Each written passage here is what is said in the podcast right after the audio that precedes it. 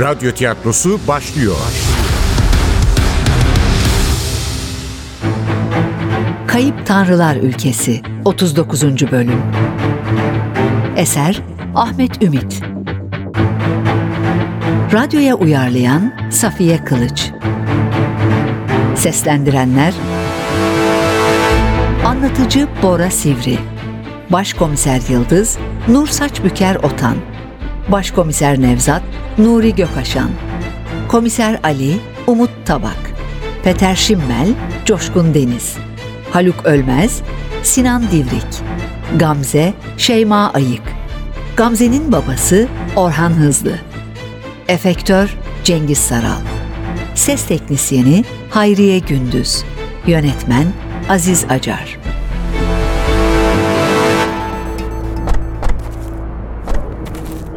Arabadan inerken toplu bir fısıltı, onlarca ağızdan çıkan bir mırıltı çalındı kulaklarına. Önce anlayamadı Yıldız. Bu ses de neydi? Birkaç adım sonra Arapça kelimeleri ayırt etmeye başladı. Dua okunuyordu. Nedense adımları kendiliğinden yavaşlamıştı. Yaklaştıkça sesler artıyor, anlamlarını bilmese de söylenenleri olduğu gibi duyuyordu. Evin girişinde genç bir kız karşıladı onları. Başına siyah bir yazma bağlamıştı. Kınalı perçemleri şakaklarından dışarı fırlıyordu. Kahverengi gözlerini masumca konuklarının yüzüne çevirdi. Buyurun şöyle geçin. Kadınlar sağ taraftaki odada, erkekler salonda. Başınız sağ olsun. Biz polisiz. Kerem Bey'le görüşecektik. Kerem Ölmez'le. Çağırmanız mümkün mü? Ee, Kerem enişte yok burada. Nerede? Yakında bir yerde mi? Ee, bilmiyorum. Bir saat kadar önce gitti. Yalnız mı gitti? Yanında kimse var mıydı? Ee, şey yalnızdı. Yani ben öyle gördüm. Tek başına bindi arabaya. Ne oluyor Gamze? Neden ayakta tutuyorsun misafirlerimizi? E, merhaba, ayakta kalmışsınız. Benim kız gençtir, kusura bakmayın. Buyurun, buyurun şöyle geçin. yok, Gamze'nin kabahati yok. Lütfen. Sağ olsun, o da buyur etti bize. Efendim, polisiz. Kerem Bey'le konuşmak istiyorduk. Yokmuş galiba. Buldunuz mu yoksa katilleri? Recep dayının torunları mı? Ha? Davut'un oğlu mu? Onlar da Berlin'de yaşıyor ya. Hani onlar mı dedim. Hayır Haluk değil. Daha hiçbir şey belli değil zaten. Kerem Bey'in nerede olduğunu biliyor musunuz? Kadının kendinden emin konuşması, Haluk'u tanıyor olması şaşırtmıştı adamı. Ama soruyu yanıtlamaktan geri durmadı. E, Kerem eniştenin misafiri gelmiş Almanya'dan. Rahmetli Cemal'in patronuymuş. Kaldığı oteldeki Lütfü bizim akrabadır. Ona sormuş ölmez ailesini. Lütfü de kurcalayınca rahmetli Cemal'den bahsetmiş. Cenaze için geldiğini anlatmış. Lütfü de beni aradı. Öyle ulaştı bize. Adını da söyledi ya. E, benim dilim dönmüyor. Peter mi? Peter Şimel mi? Aha, e, işte o.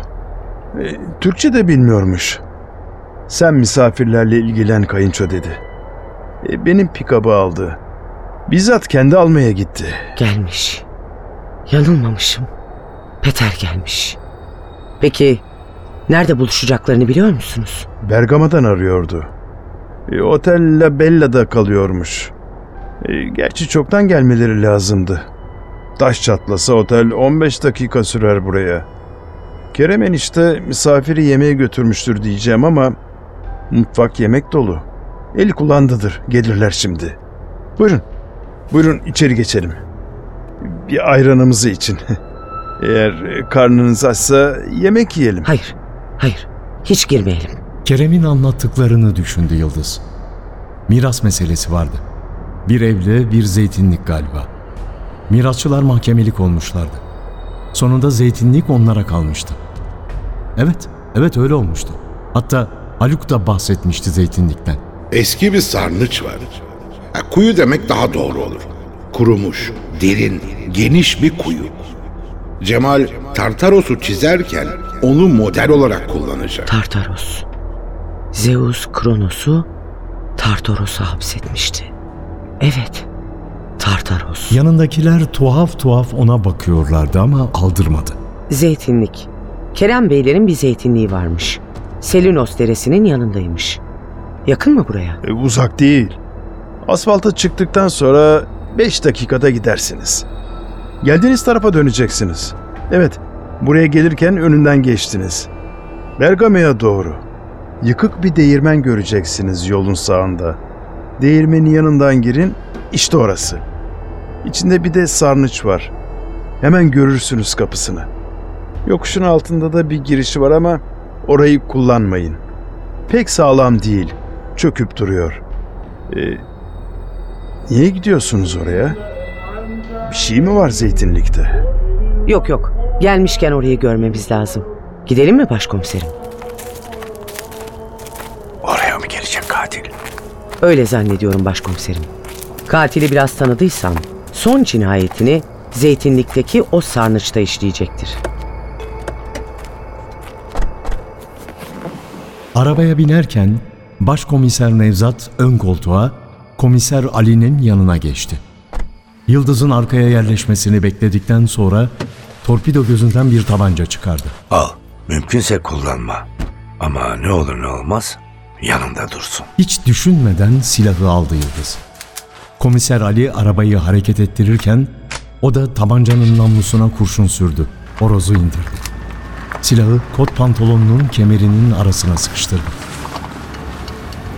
Yeniden ana yola çıktılar. Artık kimse konuşmuyordu. Bal rengi gün ışığının altında usulca kıvrılan asfaltın üzerinde ilerlerlerken yıkık değirmeni kaçırmamak için gözlerini açmış, dikkatle yolun sağ tarafını tarıyorlardı. İlk başkomiser Nevzat gördü yıkık binayı. Kayınçonun söylediği gibi tam 5 dakika sonra aşağı inen bir rampanın başlangıcındaki keskin bir virajın girişindeydi. Şurada. Ali'cim sağa yanaş bak. Değirmen orada. Tamam, dikkat edin. Biraz sarsılacağız. Eğimli bir araziydi. Yaprakları, tozlu zeytin ağaçları sertçe aşağı inen bereketli toprağa inatla tutunmuşlardı. Dur Ali'cim dur dur dur. Bence arabayı buraya bırakalım. Arazi çok dik. Ortalıkta araba yok. Gelseler de pick-up burada olurdu. Yoldalar mı acaba? Yoksa antik kente mi götürdü babasını? Önce şu sarnıcı bir kontrol edelim. Bulamazsak Bergamon'a çıkarız. Otomobilden inmişlerdi. Kekik kokusu iyice yoğunlaşmıştı. Başı döner gibi oldu Yıldız'ın. Gözlerini kapadı, derin derin nefes aldı. Başkomiser Nevzat'ın sesiyle açtı gözlerini. Şurası olmalı. Bak girişi buradan bile görülüyor. Pek sarnıca benzemiyor. Bak bak şu tümsek gibi olan yer. Tamam. Tamam gördüm. Döndü, yola baktı. Keskin bir viraj yapan asfalt kıvrılarak aşağı iniyordu. Öteki girişi de yokuşun sonunda olmalı. Öyle söyledi ya adam. İki girişi varmış. Ali sen alttaki girişi kontrol et. Biz buradan girelim. Tamam başkomiserim. İçeride buluşuruz o zaman. Çevik adımlarla asfaltın kenarındaki toprak yoldan yokuş aşağı yürüdü komiser Ali. Başkomiser Nevzat'la Yıldız da vakit geçirmeden zeytinliğe girdiler. Gitgide sertleşen rüzgar Yıldız'ın saçlarıyla oynuyor, krem rengi bluzunun arkasını balon gibi şişiriyordu. Yumuşak toprağa basarak yıkıntıya doğru ilerlediler. İlk ağaçlara ulaştıklarında kalabalık bir serçe ailesi uçuştu telaşla. Yaklaşınca değirmenin çatısının çoktan uçtuğunu, sadece duvarlarının kaldığını gördüler.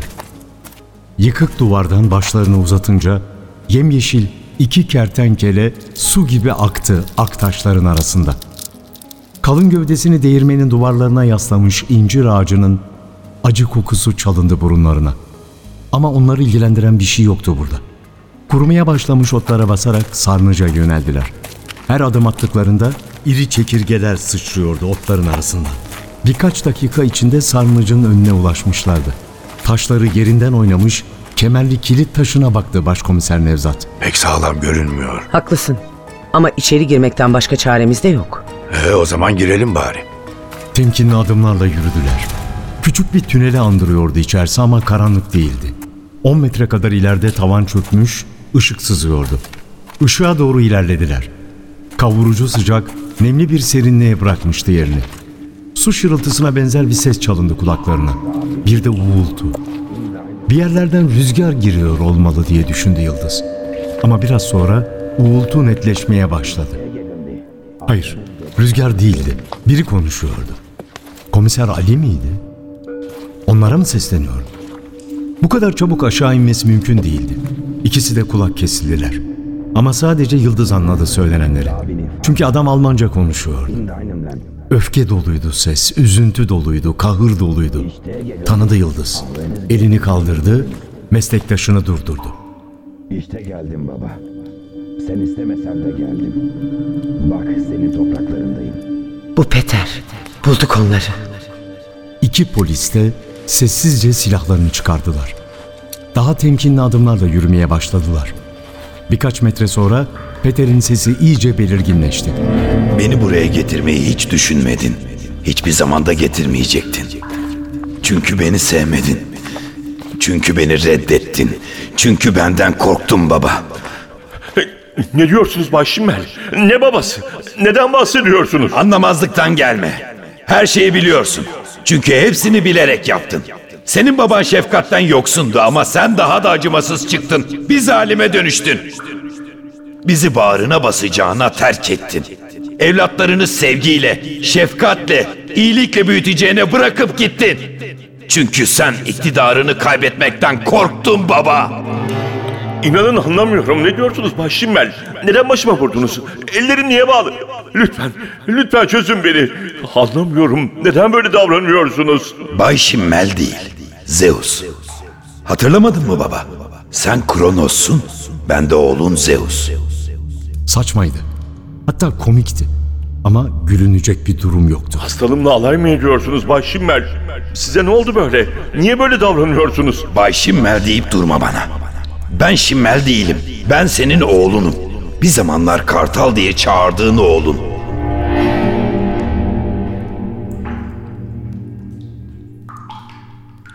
Kısa bir sessizlik oldu. Sarnıcın içinde bir yerlerden damlayan su sesi duyuluyordu sadece. Kartal mı? Sen...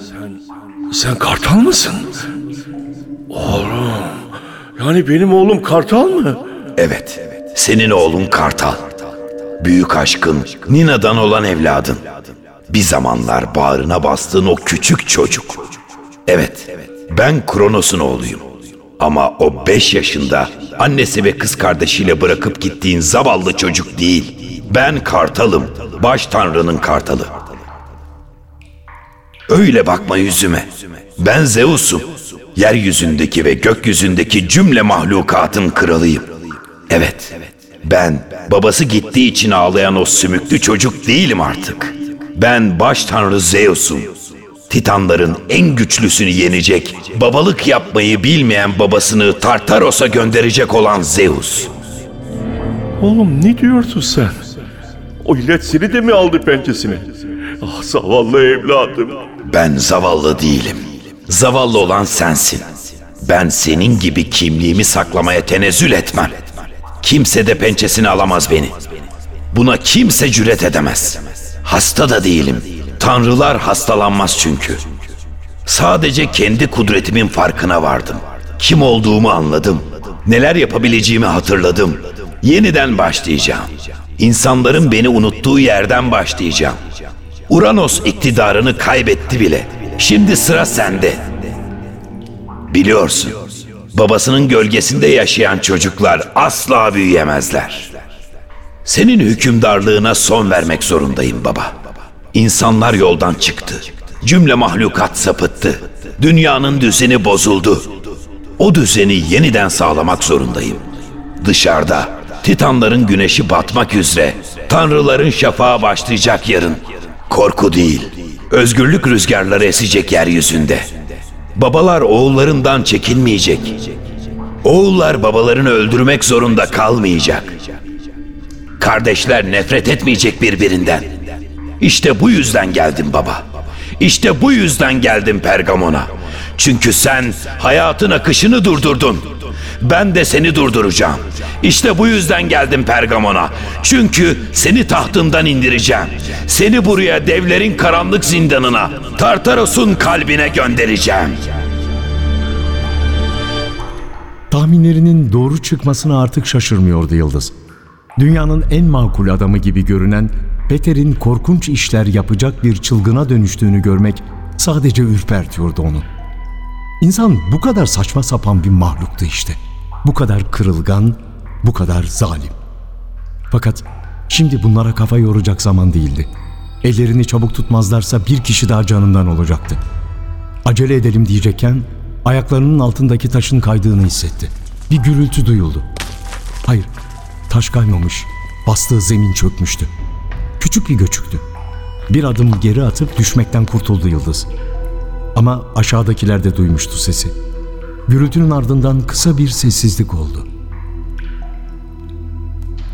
Sonra Kerem'in can hıraş sesi duyuldu. Yardım edin. Lütfen yardım edin. Sana kimse yardım edemez baba. Artık çok geç. Dur yapma. Adamı öldürüyor. Çöküntünün üzerinden atladı, koşmaya başladı. Başkomiser Nevzat da peşi sıra atıldı. Az sonra sarnıcın ağzına ulaşmışlardı. 7-8 metre kadar aşağıdaydı Peter. Koyu renk bir pantolon giymiş, sarı çizgiler olan kahverengi ketenden yakasız bir gömlek geçirmişti sırtına. Kan birikintisinin içinde öylece yatan babasının başucunda duruyordu. Adamın öldüğünden emin olduğu için artık vurmaktan vazgeçmişti. Ama cinayet silahını bir gürz gibi elinde tutuyordu hala. Dur! Dur ateş ederim yoksa. Babasının kanıyla kızıla boyanan yüzünü yukarı çevirdi Peter. Çılgınca bakan kara gözlerini yıldıza dikti.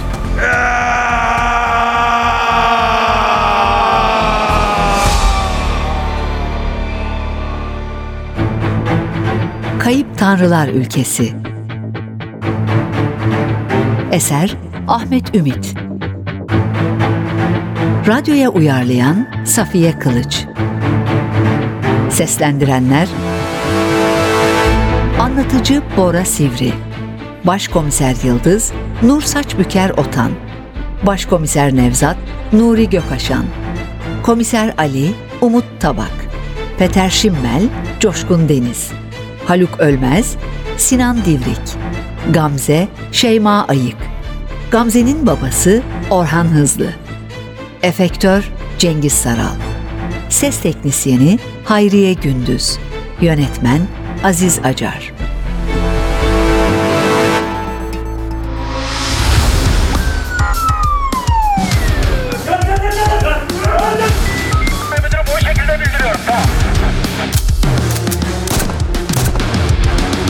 Radyo tiyatrosu sona erdi. Radyo tiyatrosu her cumartesi 11.30'da NTV Radyo'da. Kaçıranlar ve tekrar dinlemek isteyenler içinse ntvradio.com.tr'deki podcast sayfamızda.